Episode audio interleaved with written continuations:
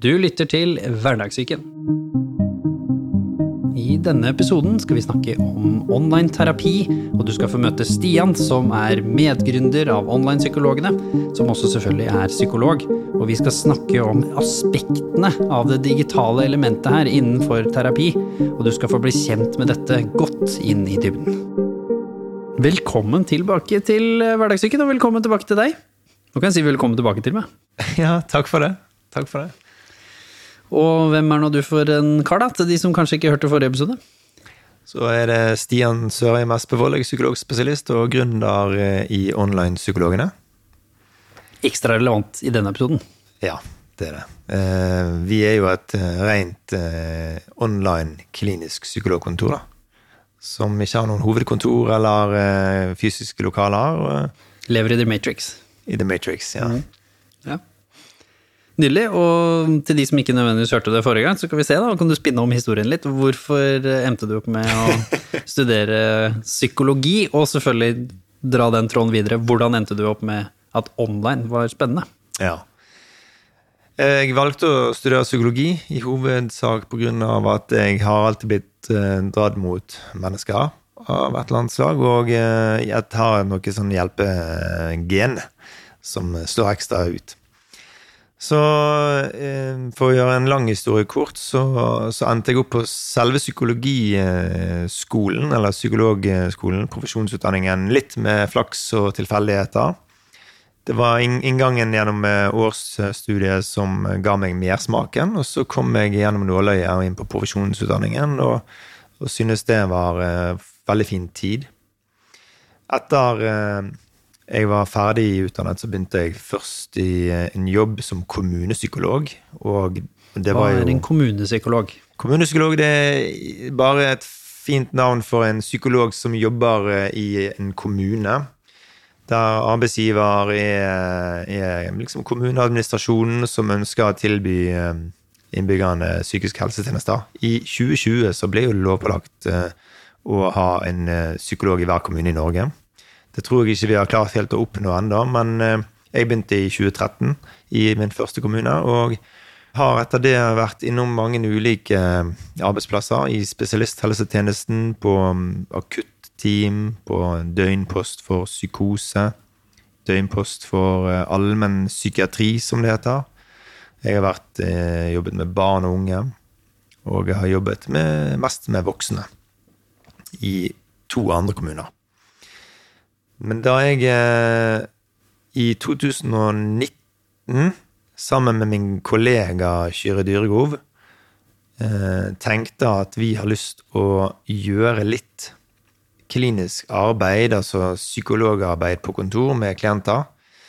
Hadde lyst til å gjøre det som en bigeskjeft i tillegg til hovedjobben vår. Da tenkte vi at vi må få oss et kontor i Bergen sentrum, og eh, sette opp et, eh, et kontorfellesskap der. Men så hadde vi allerede da fått eh, våre første to barn. Ikke sammen. Nei. Hver for oss ganske tett, sånn at de følger hverandre i alder og utvikling. Så skjønte vi at det vil være en stor ekstrabelastning, egentlig, at vi skal reise inn til byen og jobbe videre på kveldstid når vi har familie hjemme, som trenger oss og har behov for å, å se oss. Og dette var før korona, 2019. Eh, vi kom kanskje litt som en tilfeldighet, men òg eh, gjennom diskusjoner inn på at det å tilby psykologtjenester online, det er jo en mulighet. Vi har jo videoløsninger. Vi trenger jo bare en datamaskin med kamera og mikrofon, så kan vi i grunnen eh, gjøre det, da. Så veien inn eh, på online-markedet ble rett og slett eh, gjennom at vi som småbarnsforeldre ønsker å jobbe klinisk på ettermiddag kveldstid hjemme mm, der familien er, så vi slipper å gjøre stor inngripen, og da blir det online. Og vi oppdaget at eh, domenet online-psykologene var ledig, kjøpte det, satte opp en webside og begynte å jobbe. Og fra den gang, 2019, så har det vært en fin reise. Eh, Vi har økt eh, psykologstaben gradvis etter behov. Veldig raskt fikk vi inn eh, vår tredje partner i Online-psykologene, Bjørnar Håra, Bjørnar Blokk Håra. Og vi tre, som en trio, vi har bygget opp psykologfellesskapet, som nå teller 17 psykologer. Vi skal øke over nyttår igjen. Og alt sammen på en måte fra bar bakke, uten noen form for midler eller sponsorater eller noe. Så vi er veldig fornøyd med det, da. Og i dag så anser vi oss som et av de både eldste rene online psykologkontorene, men òg blant de største online psykologkontorene. Eh, og eh, det er Så langt har det vært vår bigeskjeft, men det er jo en livsstil, som du eh, vet, Jimmy. Det å være selvstendig næringsdrivende. Det er noe som tar hele tiden din.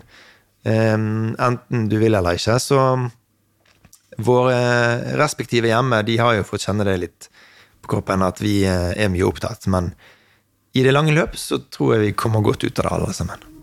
Han forsto meg Å slippe folk ordentlig inn. Følelser inneholder egentlig flere komponenter. Vi har det jo best når vi klarer å fungere godt sammen med andre mennesker. Dette er Hverdagssyken, podkasten hvor vi sammen med fageksperter og mennesker med levd erfaring tar for oss de tabubelagte temaene og psykisk helse i hverdagen. Og så kommer jo nå Nå virkes det jo nesten rart om å snakke om dette som om at dette ikke er vanlig, fordi vi har vært gjennom covid. Så nå føler det liksom ut som alle skjønner hva online psykologi er, og hvordan det på en måte er eh, noe annet, men det samme som på kontor. Men hvis vi liksom skal gå litt inn i disse tingene, fordi psykologi, nummer én, så er det jo et kjempeaspekt her med trygghet, sikkerhet, eh, konfidensialitet, altså GDPR, for de som ikke nødvendigvis eh, vet hva det betyr, men det er jo det personvern, ikke sant. Så det er jo den første liksom, kjempeutfordringen man får, fordi man er inne i det spacet som kanskje rett etter statshemmeligheter på en måte er det mest beskytta tekniske spacet i, i, verden. Og det er rett og slett personlig helsedata, og spesielt psykisk helsepersonlig helsedata. Da blir dette veldig kompleks. Og så har man jo selvfølgelig det andre elementet, og det er jo at vi i psykologi og terapi, spesielt én-til-én, har jo etablert relasjon som faktor nummer én for suksess. Hvis du og jeg har en god relasjon, så er sannsynligheten for at vi kommer til å få noe, eller at jeg, da, hvis jeg skulle vært pasienten, får noe positivt ut av denne terapien, den er enorm. Hvis relasjonen er dårlig, kan du være verdens beste psykolog. Mest sannsynlig så blir det ikke det beste resultatet. Mm. Og det er jo Kan vi ikke bare gjøre det face to face, da? Altså, hva, hvordan tok dere liksom de to store vurderingene der, når dere starta? Både den faktisk praktisk lovlige elementet der som måtte løses, men også den andre biten med at liksom Ja, men det er noen som kommer til å gidde å åpne seg, og får vi like bra resultater når vi ikke har møtt disse folka?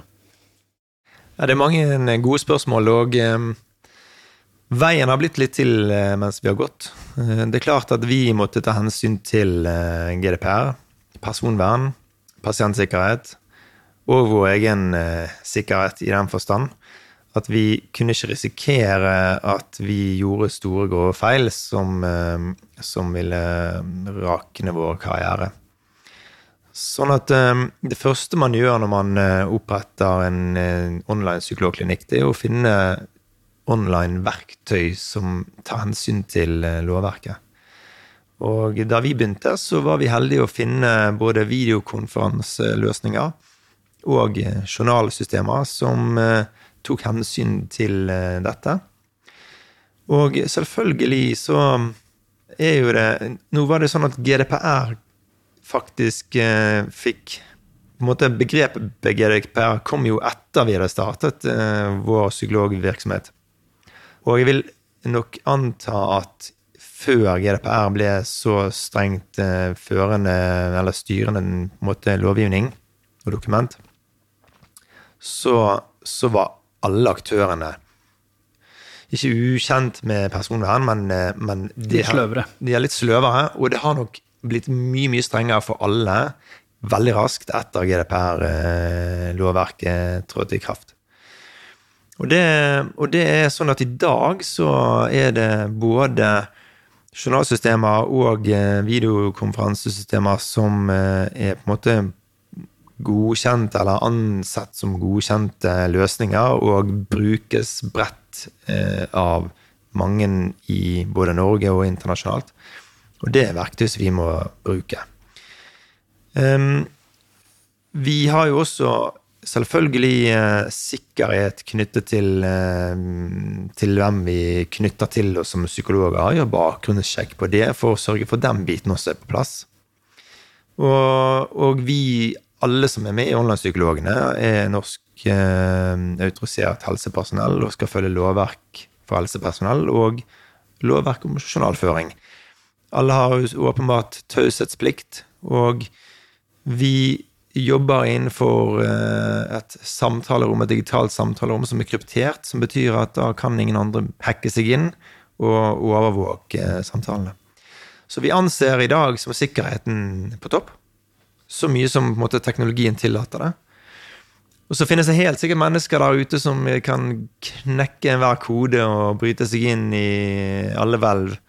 Eh, det kan man aldri ta fullt og helt hensyn til, men eh, så lenge vi bruker eh, verktøy som er tillatt, så er det det beste vi kan gjøre.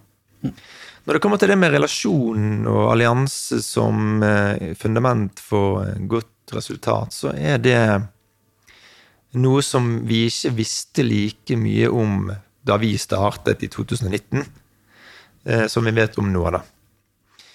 Og vi vet nå at det å jobbe online gjennom videoløsninger, det gir like gode utfall eller resultater som det er å møte på kontor. Dette var jo mer ukjent for oss i begynnelsen, men du kan si det sånn at uh, vi ville jo oppdaget fort om dette er liv laga eller ikke, ved at klienter først og fremst vil prøve det ut og eh, om de fortsetter å komme i behandling. Vi er jo riktignok eh, litt eh, sånne sosialt tilpassede og høflige individer og tar hensyn til normer og forventninger. Sånne, mange mennesker kan jo kanskje føle at de har startet en relasjon, og så, den, og så må den fortsette. Men Heldigvis så er det mange som sier ifra hvis uh, dette ikke er noe for de, og det er kjempeviktig, tenker jeg, for all både terapi og helsepersonell, um, kontakt med helsepersonell, det er at man sier ifra hvis noe ikke stemmer eller er som det skal være. Vi har også muligheten til å sjekke ut relasjonen gjennom eh, måleverktøy som vi bruker når vi jobber online. Og da kan vi teste både ut hvordan syns du alliansen mellom oss er? Hva synes du mangler i alliansen? Og hva synes du det kunne vært mindre av? Så på den måten så får vi jo en direkte tilbakemelding fra klientene på det som går på relasjon, og om de har eh, effekt og bedring gjennom de tiltakene vi gjør. da. Vi vet jo gjennom nå eh, mye forskning etter hvert at eh, online-terapi og videobasert terapi, det gir gode resultater. Og når vi vet at det gir gode resultater, da kan vi begynne å se på alle fordelene. Sant? Og det kan vi kanskje komme inn på, fordi selv om man kan stille spørsmål til relasjon, og hvis vi kan legge den litt sånn ikke død, for det kan man alltid diskutere mange ganger eh, opp og ned og i mente, men vite at eh, forskning indikerer at den eh, støtter online terapi, så kan vi jo så kan vi jo kanskje se nærmere på hva som er forskjellene mellom online terapi og møte på kontor, f.eks. Mm. Og så er det jo selvfølgelig, som du sier, det er jo litt sånn personsregulert her også. Som er jo at for noen mennesker så vil jo det emosjonelt bare være bedre. Fordi jeg som klient ville følt at måte, dette er vanskelig for meg. Og det er jo en subjektiv eh, element, som du sier, som ikke nødvendigvis har noe med om online er bedre eller dårligere enn andre. Det er bare at for meg så ville det vært dårligere. Og vice versa. At det finnes mange som syns dette er bedre, og det vet jeg jo med folk jeg har kjent også, som syns det med online er en mye bedre måte for dem å åpne seg opp, f.eks. Hvor de syns det er lettere. Så der tror jeg du finner, finner ytterpunktene i begge sider. Mens det elementet som selvfølgelig er veldig vanskelig å gjenskape 100% digitalt, det er jo alle de tingene som vi kanskje ikke snakker like mye om, som er liksom energi, som er de tingene der. Det er liksom selvfølgelig litt lettere å lese et fullstendig kroppsspråk på en pasient som går inn på kontoret ditt, versus eh, plutselig logge på eller skru på kamera.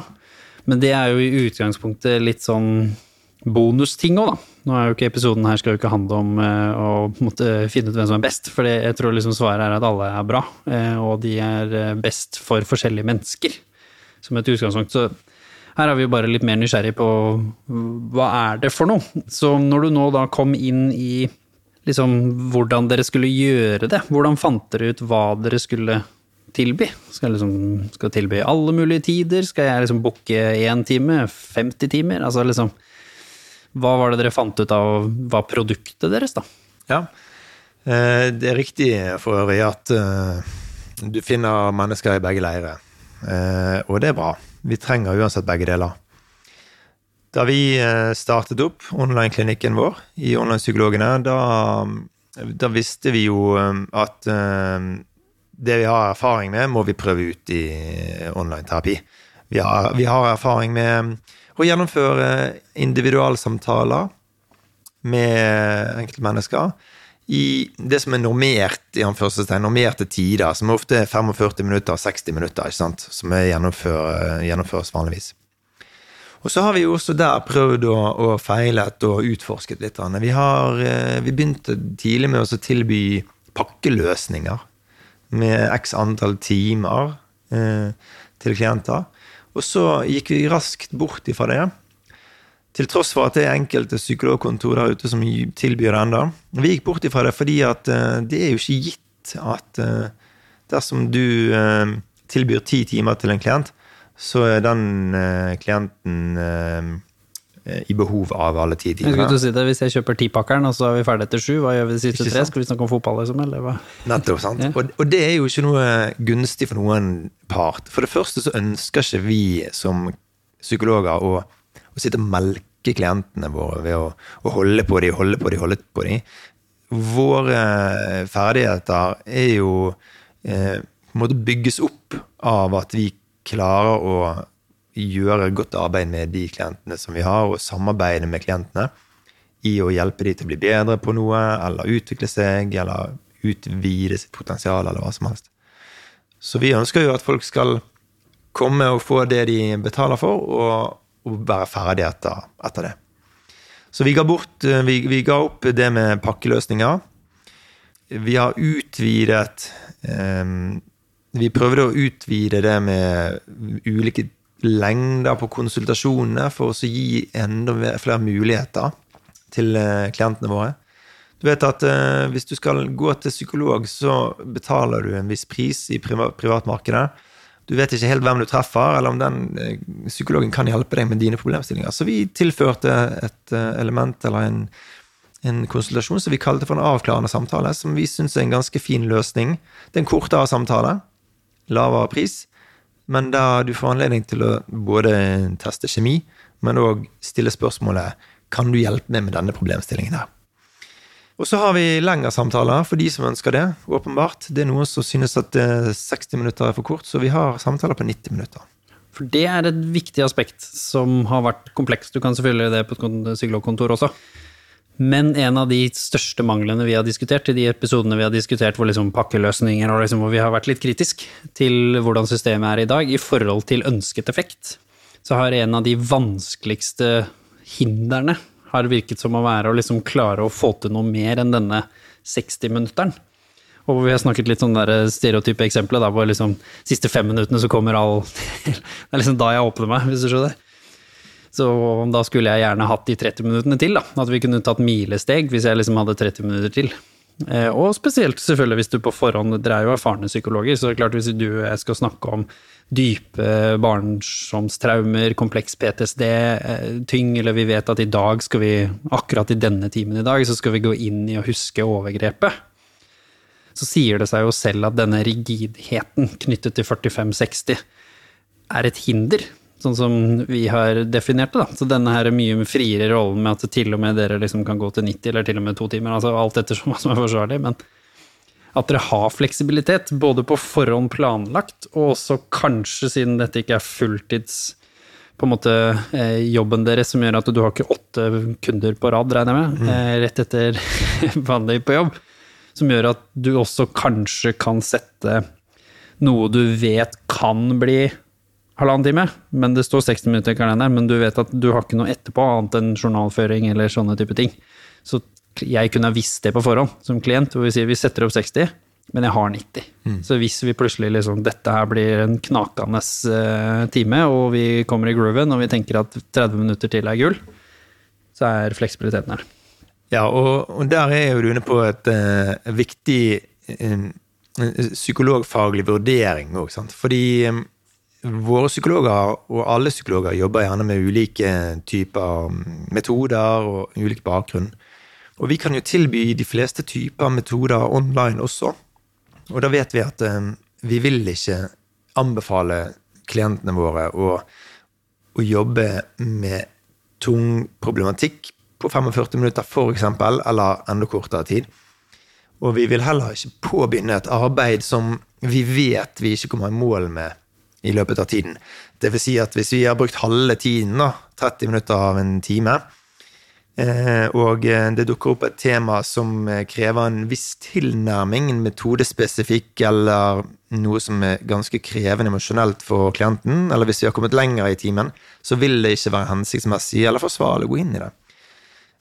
Jeg har veldig mange ganger vært mer fleksibel enn kanskje det mange andre er, da, i, uten at jeg skal mm, si det gjelder alle. Så eh, når, når timene nærmer seg slutten, og, og klientene sier du, et par ting jeg har lyst til å diskutere, har vi tid til det? Så ser jeg ok, vi har ti minutter på det. Men jeg har ingen klienter etterpå, f.eks. Da tenker jeg åpenbart at eh, det er en tjeneste fra min side å tilby klient å få komme med det som vedkommende har på tampen. Vi skrider alltid over tiden med de klientene som, som det da. Selvfølgelig annerledes hvis jeg har klient etterpå, så vil jo det gå utover en annen person, så da må jeg gjerne være litt eh, mer firkantet. Men veldig ofte så syns jeg at eh, når noen betaler for en tjeneste, og hvis jeg har en anledning til det, så vil jeg gi eh, på en måte den tjenesten så langt jeg kan, og strekke den i tillegg. Eh, så, så, det er, er nok eh, litt individuelt fra psykolog til psykolog, men jeg tror at eh, de fleste gjør det hvis de har anledning til det på, på slutten av en time. da. Hvis vi snakker om de litt positive tingene. Det er visse ting ved, ved psykologi og terapi som er kompleks. En av de er eh, altså fysisk lokasjon. Nå skal vi prøve å ta det litt sånn én ting av gangen. Fysisk lokasjon, det er problematisk for mange. Og køproblematikk og koordinering av at bor jeg i Oslo, så er det ni måneder. Bor jeg på Hurum, der hvor jeg kom fra, så er det tre måneder. Altså bare for å ta et eksempel. Hva er annerledes med online digital terapi her, som kan være både pros and cons? Du snakker om ventetid nå, sant? Ventetid og fysisk plassering. Og fysisk at eh, plassering. min favorittpsykolog han bor egentlig i Trondheim, men jeg bor i Oslo. Ja. Og det er jo det som er eh, kanskje i første omgang eh, en av de store fordelene med online-terapi, det er at man kan få hjelp der man er, når man trenger hjelpen. Vi møter jo mennesker som sitter i bilen, er på hytta, i båten, er ute og går. Vi møter mennesker med hjelpebehov i alle mulige situasjoner, og de kan fremdeles få og motta den hjelpen. Det med å jobbe online fremfor på et kontor eh, Selvfølgelig hvis du tenker at eh, du skal komme deg til et kontor, og du skal eh, Du har tidsklemmer, og du har kanskje barn hjemme, og du må ha barnevakt, så er jo det nesten et nullproblem når det er online-terapi. Fordelen med å eller si, En viktig hensyn er å ta åpenbart for deg og for, for alle deler, det er jo å ha terapi i omgivelser der du kan være alene og snakke om det som er vanskelig. For hvis du sitter hjemme, som kan være en ulempe, da, det er at du har papirdører, sånn papirtynne dører, og du har familien på andre siden, og så skal du snakke om kanskje en kone eller partneren, mannen eller hva som helst. Da vil jeg nok anbefale deg å trekke ut i bilen, for eksempel. Eh, Fordi det kan være en ulempe at man skal snakke om mennesker i nære relasjoner, og så sitter de på andre siden av veggen, og de kan høre. Eller at de kan være i det samme rommet. Du tenker gjerne ikke over at det er et problem, fordi at du skal jo bare snakke om angsten din. Men så kan det dukke opp spørsmål som hvordan var det i oppveksten din, eller hvor tror du angsten din kommer fra? Og så er det gjerne mennesker der som har en rolle i livet ditt som du plutselig føler det er vanskelig å kunne snakke om, og da blir du litt eh, måte får du litt sånn eh, Da får du litt sånn eh, stopp, Du stopper det opp i, i prosessen, kanskje. da. Jeg skulle bruke det engelske ordet 'shackles' på beina dine. sånn 'Shackles on your feet', men det ble litt sånn feil. Kjeder, eller chains. sant. Ja, eh, så det er jo eh, noe man må ta hensyn til. Hvis du har eh, også eh, en problemstilling, eller du har et behov for hjelp som krever en spesifikk tilnærming, som er helt umulig å få på Hurum, og kanskje det er ni måneder ventetid i Oslo for å komme til den psykologen som tilbyr den problemstillingen, så kan det hende at det er psykologer andre steder i landet som tilbyr, eh, tilbyr den metoden og tilnærmingen som du kan kontakte fordi at du tar kontakt online. Og det ville være en kjempefordel. Sant? For da har man jo kompetansen rett inn på datamaskinen sin, og man kan få hjelp, få det man trenger når man trenger det. Vi vet jo at eh, spesialisthelsetjeneste og kommunehelsetjeneste er overbelastet på mange måter, og det er ventetider for å komme inn i spesialisthelsetjenesten. Og da er jo det også veldig fint at både psykologer med privat uh, privateide psykologkontor kan gi hjelp, men òg at psykologer med refusjonsavtale, som har en, en, et samarbeid med spesialisthelsetjenesten og betales av staten, de kan også tilby hjelp online, så man har mulighet til å komme til på den måten, men det er ofte lengre ventetid uansett når det er spesialisthelsetjenesten. Og RPH-er også har jo nå under covid, eh, naturlig nok, måttet eh, tilpasse seg. Så Ja. finnes jo også RPH, altså rask psykisk helsehjelp. Eller også kommunepsykologer, vet jeg, som bruker digitale tjenester, altså også tilbyr online-terapi. Ja, og det, og det var jo det store paradigmeskiftet innen, eh, innen helsetjenester under korona. Det var jo at alle endte opp på internett på et eller annet vis. Først og fremst gjennom eh, møtevirksomhet og Teams mellom kollegaer, men òg når vi skulle møte klientene våre, så hadde vi muligheten til å møte de online, og det var kjempefint for de aller fleste. Det er bedre å få hjelp enn ikke å få hjelp, selv om formatet for noen ikke passer. Og så er det mange som har ønsket å fortsette online-terapi eh, etter korona på en måte ble dysset ned og dørene åpnet igjen, og landet åpnet. Så da er jo det fint å kunne tilby det eh, som et supplement eller som et alternativ da, til oppmøte. For det er jo tross alt hverdagen til folk det har med å gjøre, og at de gjerne kan ha timene fra kontoret på jobben eller hjemme i permisjon med barna, i stedet for at de må komme til mitt kontor. da. Ja, hvordan var covid revolusjonerende? Fordi dere startet jo før covid. Så dere kom jo liksom inn i dette her som Dette var jo det dere drev med, så det var ikke noe nytt for dere. Hvordan var det å observere både bransjens skepsis, men også oss klientenes eller personenes skepsis, og, og de kanskje utfordringene som hadde tatt ti år å komme forbi. Hvordan var det å observere de halvannet årene der, og hvordan bransjen ble revolusjonert litt sånn på tvang? Det var jo eh, heldigvis for vår del eh, slik at vi hadde, vi hadde begynt å få en viss synlighet på internett og gjennom Googles søkemotoren. Vi hadde begynt å, få en del omsetning som gjorde at vi allerede hadde en stigende, ganske bratt kurve da, fra 2019 av. Så da covid kom, eh, så visste jo vi at det ville være til online-markedets fordel at landet stengte ned. Og det er bare helt eh, realistisk at det ble sånn, fordi vi hadde ikke lenger mulighet til å oppsøke noen. Og det er Du vet at det, kan oppleves med bismak å si det på den måten, sant? at vi dro fordeler eller dro nytte av det, men, men det var jo på en måte uunngåelig at de som allerede var etablert på nett, de, de ville fortsette på nett. Og, og det å, å, fortsette på nett i en tid der alle måtte på nett, det, det bare passet.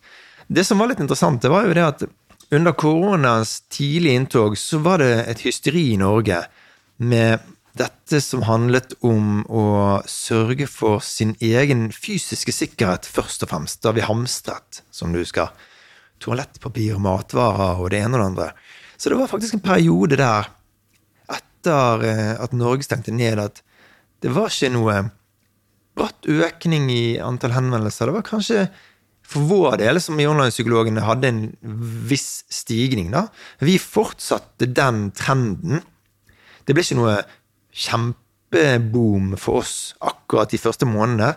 For da var folk mer opptatt av fysisk og, og økonomisk helse, på en måte. At vi skal, Maslows pyramide, så var vi bare rett og slett et sted som ikke vi var så ofte i Norge? Ja, vi, vi måtte ivareta våre grunnleggende behov, først og fremst. Tryggheten og, og vår fysiske helse.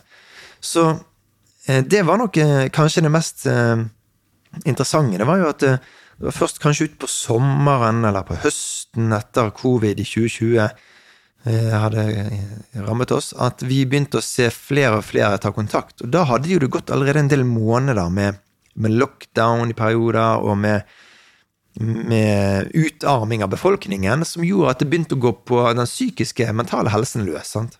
Så da kom det flere som tok kontakt både fordi at de strevde i relasjonen i forholdet sitt, eller forholdet til sine nærmeste, som de var med hele tiden.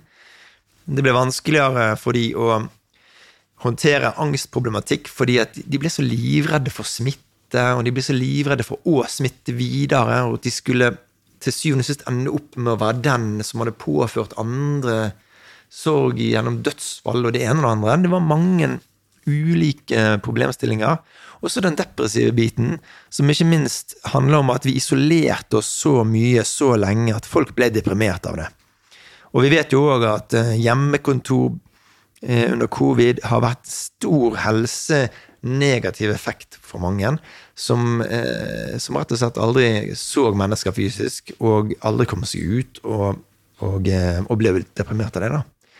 Så da så vi en økning i antall henvendelser på ulike ting som kunne ha med covid å gjøre. Og da var vi allerede parat og klar til å møte de utfordringene. Fordi vi, som jeg nevnte tidligere, vi eskalerte. Vi økte vår psykologstand etter behov og etterspørsel. Eh, så sånn sett så kunne vi dekke de behovene som kom. da. Ja, Og så dere at det var lettere for folk, og at dere spurte jo sikkert litt sånn i starten, så er det som du sier, liksom, hvorfor tar dere kontakt, og det er jo noen samtaler rundt det. Merka dere at fordi alle ble litt sånn tvunget og hadde Teams på jobb, at det kanskje var lettere å også ta psykolog på Teams, på en måte? Uten at dere bruker Teams, men du skjønte poenget? At jeg kanskje ikke hadde Jeg hadde bare tenkt at dette online-greiene, det funker ikke for meg. Men pga. covid, hvor jeg ble så vant til det online-konseptet generelt, så plutselig så åpna jeg en dør for meg selv som pasient-klient som, som, jeg ikke hadde i fjor. Mm. Det er jo litt sånn at um for, for, oss som, eh, som, startet en online psykologklinikk, eh, vi måtte teste ut dette her, om det var liv laga. Og for mennesker som er i krise, så må de teste ut hva er det jeg kan og må gjøre for å få hjelp. Eh, og da under covid så var det veldig lite annet som alternativet, så man begynte å prøve det ut. Og så tror jeg òg at det var den gjenkjennbarheten til til en, eh, det vi kaller en, eh, det vi er mest kjent med som FaceTime-samtale, det vi er mest kjent med som Teams-møter. At det var lett å gjennomføre det. Det gav resultater. Man fikk jo tross alt en samtaleterapi, akkurat som man fikk på et kontor, i, i ordets forstand samtale. Det var bare det at vi satt ikke i samme rom, da. Eh, sånn at det å for klienter å prøve ut dette her, tror jeg først handlet om at ok, konseptet er noenlunde kjent, men jeg må prøve det ut. Og så når de først prøver det ut, og flere og flere prøver det ut, og flere og flere omtaler og snakker og fremsnakker online terapi og all mulig type online helsehjelp, så vil terskelen senkes. Det blir mer og mer normalt, og jeg tror at under covid så ble ting veldig fort normalisert sant, på den fronten der. Da. Vi ble fort vant til hvordan vi skulle håndtere eh, covid-symptomer, og med testing, og med hvordan vi fikk eh, gjøre alt det med covid. Og så blir vi fort vant med hvordan vi skulle eh, til oss for å, å ivareta måte, tryggheten i familien. Så blir vi fort vant med hvordan vi skulle teste ut disse online-segmentene, eller plattformene. Så, så jeg tror nok at folk var veldig, veldig raske til å tilpasse seg akkurat det. Fagfolk, ja. Det er skeptikere, dere psykologer. Det er ikke glad i endring. Vi er konservative, mange, vil, eh, vil, vil jeg si. Um, jeg tror ikke De som, som, uh, som starter en online psykologklinikk, er de mest konservative av natur. Uh, men det vi så, det var jo at uh, det var mange plutselig som startet å tilby online psykologtjenester. Og det var jo egentlig forventet. Men nå er jo det et flust der ute. Det er veldig mange som tilbyr det. Noen tilbyr en kombinasjonsløsning med kontor og online terapi. Noen bare på online, da. Jeg vil tro òg at uh, den yngre garde er, er, mer fleksibel, og uh, nå i dag underviser jo bl.a. online-psykologene på universitetet i online terapi. Sånn at vi uh, er jo med oss å skape helt annet utgangspunkt for fremtidige psykologer, for hvordan Hvilke plattformer man har mulighet til å intervenere på. Og det er ikke lenge siden online-psykologene ble invitert til universitetet for å ha foredrag om eh, online-terapi, der vi, eh, der vi fortalte litt om historien vår, og hvordan vi jobber, og om mulighetenes marked for online-terapi. Eh, så de mer rigide, eldre psykologene som er enda mer konservative, de har nok gjerne slitt mer under covid. Og jeg vet at enkelte ut av de, de henvendte seg annet til oss og spurte hvordan gjør jeg dette her videogreiene.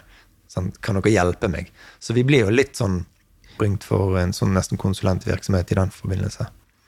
Men uh, stort sett så har det nok uh, psykologistanden klart seg der, da. Ja. Underviser, sier du, online. Det passer perfekt inn i neste tema her. Hva må man tenke på for å lykkes med online terapi versus face to face? Er det visse ting som bare er i underbevisstheten enkelt når man møtes fysisk, som man kanskje må tenke litt mer rundt for å løse like godt eh, digitalt? Ja, du har jo åpenbare ting som eh, det som vi i dag har testet ut på forhånd. Hvordan er kvaliteten på den varen vi leverer? sant?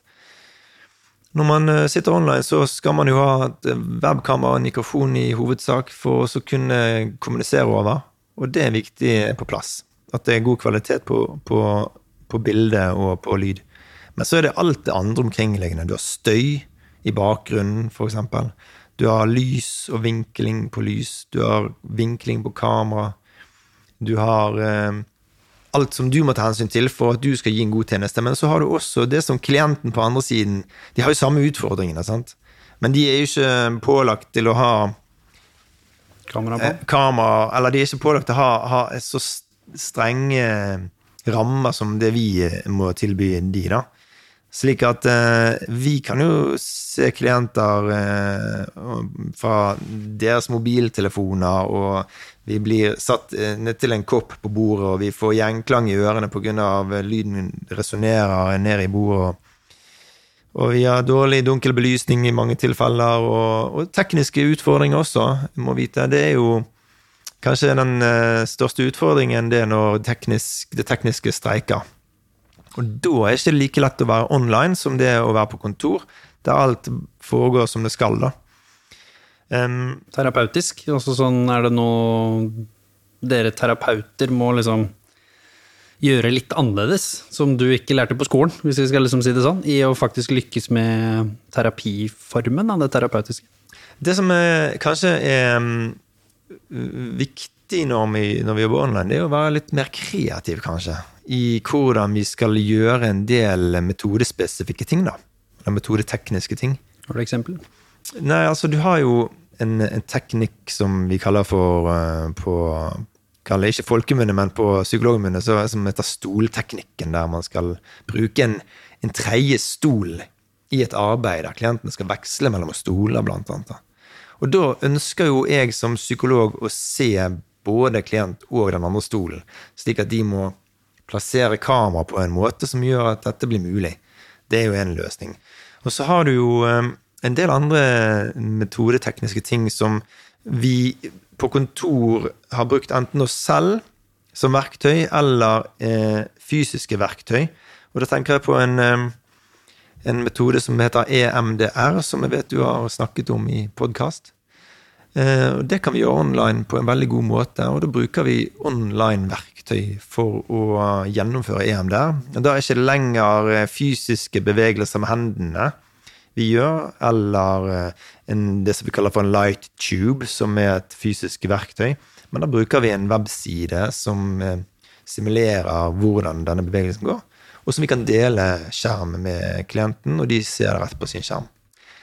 Um, og så er det, tenker jeg, veldig nyttig å bruke delefunksjonen i online-terapi, fordi da får klienten veldig sånn Det blir sånn transparent hvordan jeg jobber med arbeidet og det som meg og klienten kommer fram til å samarbeide om. Hvis jeg skal skrive noe, la oss si mm, vi, Det er noe som heter en kasusformulering, som er en, en, et oppsett på situasjon klienten skal jobbe seg gjennom, der vi skal avdekke hvordan reagerer klienten i denne situasjonen, og så skal vi prøve å komme frem til en bedre måte å håndtere det på. Og Da kan jeg skrive det inn i et dokument og så dele det med klient, sånn at klienten hele tiden ser hva er det jeg skriver, og hvor, hvordan henger tingene sammen. Så kan du sette det opp på en måte som gjør det mye mer oversiktlig enn hvis vi bare skal snakke om det, og så skriver jeg i notatblokk som klienten ikke ser. Eller hvis jeg skal vise bilde av angstkurven som du kanskje har hørt om, eller hvis jeg skal vise den kognitive diamant som du har hørt om, så kan jeg speile skjermen og dele det innholdet på en enkel måte og forklare ting på en bedre måte enn det som kanskje hadde klart å tegne på en tavle, f.eks. Så det finnes noen sånne løsninger som eh, er, er veldig godt egnet for online-terapi. Eh, og eh, åpenbart andre løsninger som er litt verre. Hvis klienten plutselig begynner å gråte og ikke har noen papir i lommetørklær, så har ikke jeg mulighet til å tilby det.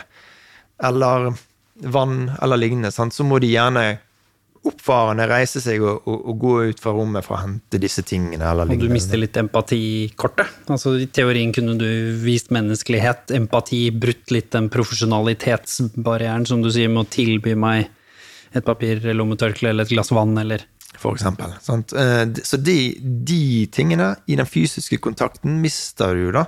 Mm. Og du mister også som du var litt inne på, du mister også litt muligheten til å se hele personens eh, atferd, væremåte, eh, kroppsspråk.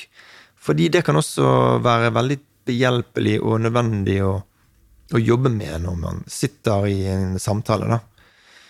Så, så åpenbart noen elementer mister man, men eh, andre blir kanskje bedre, vil jeg si, gjennom online-terapi. Hvilke da? Som nevnt, eh, disse verktøyene, da sant? og hvordan man kan være mer transparent i arbeidet. Invitere på en måte klienten inn i eh, prosjektet som er, de jobber med, da. Og, og, gjennom å dele det som man på en måte skriver ned. Det er det, kanskje det viktigste. For det er nok mange som lurer på hva skriver du om meg, og hvordan ser det ut? Og så er det også sånn at eh, klienten sin journal er jo, eier, er jo en eiendom på en måte de har full innsyn i. Og man kan jo også dele den på en god måte. Altså vise journalnotater hvis de skulle ønske det, online. Uten at man skal være redd for at det blir, eh, at det blir delt på andre måter. da. Kommer bort i posten, som vi har hørt historier om tidligere. Sant? Ja. Hm. Og så har du jo selvfølgelig et annet positivt aspekt, som handler om at mitt utgangspunkt som klient gjør det utfordrende for meg, som jeg sa i stad, å enten åpne meg fysisk, eller bare gå fysisk i det hele tatt. Altså sosial angst, den innlysende måte, elementet. Og jeg er midt inne i den verste delen av sosial angsten min, så det å i det hele tatt gå ut av huset er problematisk. Da kan jeg sette opp en online terapisession. Mm. Og så er det selvfølgelig den andre biten hvor at for noen mennesker så er det vanskeligere å være åpen og ærlig hvis jeg sitter foran deg. For jeg føler at det er kleint, jeg føler at du judger meg. jeg føler liksom jeg, sånn Grunnen til at jeg kommer til deg, blir sterkere. Altså Du øker symptomtrykket ved at jeg kommer fysisk. Mm. Kan du fortelle litt om det også, der hvor det er faktisk fordeler ved å gjøre det digitalt, også rent sånn symptomtrykkmessig, pluss for min subjektive opplevelse? Ja, og så, der har jeg også erfaringer andre veien òg. Jeg møtte en klient, eller det vil si jeg hadde fulgt han over ganske mange timer etter hvert, og så, så så skjønte jeg at det er my mye bra som er gjort, men det er mye som er usagt også her. Og jeg tematiserte særlig det følelsesmessige som jeg så han strevet mer med. da. Dette var en mann, og det var jo en mann som hadde hatt en negativ erfaring med å dele. Sånn at han eh, skammet seg litt over det, og eh, lukket igjen eh, den følelsesmessige kanalen, eller hva vi skal kalle det, sånn at han, han lot ikke følelsene komme til uttrykk, til tross for at han strevde mye med følelsesmessig undertrykkelse. Så da jeg poengterte det og sa det at uh, dette er viktig hvis vi skal ha et godt samarbeid videre, og, og, vi skal komme over noen utfordringer, eller komme inn på noen utfordringer som jeg ser du strever med, og som du bekrefter, så må vi jobbe litt mer med dette. Men det ble litt utfordrende, og han skjulte seg litt bak, kan hende, online-formatet. Sa det at eh, kjenner det er vanskelig å, å, snakke om disse tingene online. Jeg får en følelse av at jeg er i et Teams-møte atter en gang. Eh, og det hadde han vært under covid, og eh, det var forståelig, det hadde jo alle vært. Eh, så han sa det at jeg tror kanskje det hadde vært annerledes hvis jeg fikk ligge på en divan og se opp i taket. Ok, det kan ikke jeg tilby deg, sier jeg. Så her må jo du kanskje ta et valg eh, om du skal fortsette å prøve å bryte ned noen barrierer her online med meg eller en annen. Eller om du skal oppsøke en psykolog på et kontor og prøve den strategien. Så det er jo, Og nå har jeg fått ballen litt tilbake til meg, jeg har fått noen spørsmål tilbake, og jeg er nødt til å ta stilling til det sammen med klient, om eh, vi skal fortsette på den måten. De som føler det er lettere å komme til eh, en online-terapitime pga. enten lidelsestrykk eller pga. at det som, eh, det som hemmer de, blir vanskeligere på kontor å jobbe med. De kan ha fordel av en online-terapitime. Og det er klart at det er ingen som tvinger deg til å se inn i kameraet. Hvis du noen ganger føler at det er litt selvavslørende, eller noen stirrer meg inn i sjela, eller øynene mine er liksom åpenboken til sjela, så har man anledning til å, titte litt vekk, ikke sant. Eh, og det er litt viktig å kommunisere at eh, jeg vil se inn i kamera, og jeg vil snakke til deg sånn og sånn. Men hvis du synes det kan bli ubehagelig, eller det er litt sånn vanskelige situasjoner, så kan du velge å titte litt vekk. Og det er litt sånn for å gi de muligheten til å slippe en stor belastning som de kanskje vil møte hver eneste gang. Så det er viktig å tematisere at dette er jo noe som ikke skal bli en unngåelse. At vi skal ikke skape eller opprettholde et problem eh, unødvendig. Så vi kan godt jobbe med det, men vi kan ta det i tempo som du er fortrolig med. da. Og da vil den online-biten der du sitter i dine trygge omgivelser, enten på rommet, soveværelset eller i stuen eller hvor som helst, andre steder som du på en måte har trygghet, det kan være en stor fordel for terapi og for prosessen. Fordi da er du allerede litt senket, garden litt nede, og muligheten for deg å, å åpne opp er kanskje lettere. Så fremt uh, du ikke har andre mennesker der som, uh, som, på en måte ser deg, eller ser på deg, eller uh, som vil høre på deg, ikke sant? Så mulighetene for å kunne gjøre et godt terapiarbeid der, den kan være bedre for de tilfellene, f.eks. Og hvordan utfordrer man den tryggheten, da, som du sier, for det kan jo bli denne hvileputa, da. Spesielt hvis du kanskje snakker om sosial angst og måte isolasjonsproblematikk. Eh, hvordan kan dere, selv om dere er online, utfordre meg på det som klient? Det er jo um, da, da, kan vi jo plutselig gå inn i de klassiske um, metodespesifikke tilnærmingene. sant? For vi har jo, det finnes mye god behandling for uh, f.eks. sosial angst og, og for å utforske og utfordre følelser som er vanskelig. Jeg tenker jo hvis vi, hvis vi ser på forlengelsen av uh, online-terapi uh, som et verktøy til å drive eksponeringsarbeid, da, så vet vi jo at uh, det å ta med seg mobiltelefonen sin ut og gjøre eksponeringsøvelser ute i det sosiale rom, det kan være en del ut av et terapiforløp. da. Er du litt sånn CIA på øret mitt, liksom? Sånn, det kan bli litt sånn på at vi er på øret ditt og gir deg kommandoer, og så må du utføre dem. Mm. Um, nei, altså, det er jo, det er jo sånn at uh, før korona og før online-terapi så, så, ble gjerne psykologen i noen tilfeller med klienten ut, og, og så bivånte da de jo eksponeringsoppgaver. Og i andre tilfeller så var det bare en oppfordring til det, fordi at det var litt brudd på GDPR at jeg skulle gå sammen med klient i det offentlige rom, og andre kunne, kunne Eller det kunne bli problematisk, ikke sant, av taushetsbelagte årsaker. Um, men nå kan jo klienten ta psykologen med seg på øret eller på video i uh, en øvelse ute blant uh, folk uh, for å gjøre rene intervensjoner, da. øvelser som har den hensikt å hjelpe dem med en utfordring. Det kan være ett eksempel. Sant? Og så er det jo også veldig lett å jobbe med f.eks. spesifikke fobier på nett. Fordi at man kan dele videoer og bilder og lyder om det vanskelige rett inn på skjermen til den andre, som de kanskje alltid har jobbet for å unngå. da. Så det kan være et arbeid.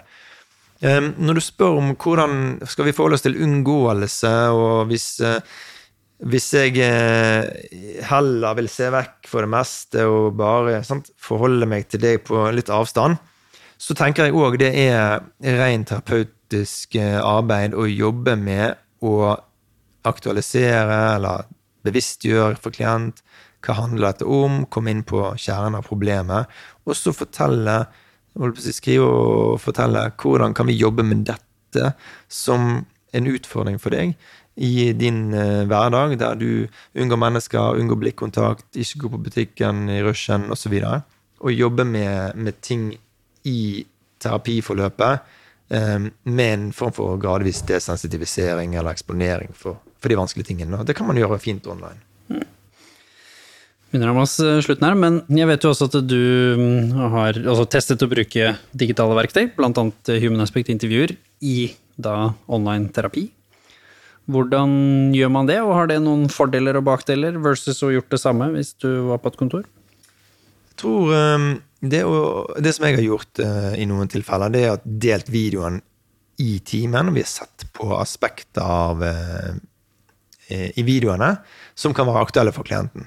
Det er veldig fint, for da kan vi snakke om det. Det blir litt som å om, Hvis det handler om f.eks. vanskelige følelser eller vanskelige tema, så kan vi snakke om hvordan har dette her vært for deg, og, og når du hører historien til andre, og får den normaliseringen og legger og får en forståelse av at dette ikke er noe unikt for deg som, er, som du er alene om i verden. Hvordan er det? Og så har jeg åpenbart delt videoene, sendt de link og hatt det som hjemmeoppgave. Det tror jeg er kanskje litt lettere online, fordi da har jeg anledning til Altså, da bruker jeg eh, PC-en og, og eh, delingsfunksjonaliteten som en direkte øvelse. Eh, og eksponering og, og samtaleverktøy.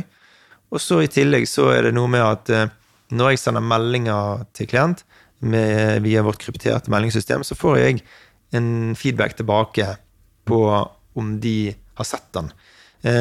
Og det får jo jeg før neste time, mens i et vanlig terapiforløp så ville jeg gjerne bare fått den tilbakemeldingen når de kom, og da kunne de sagt 'den har ikke jeg sett'.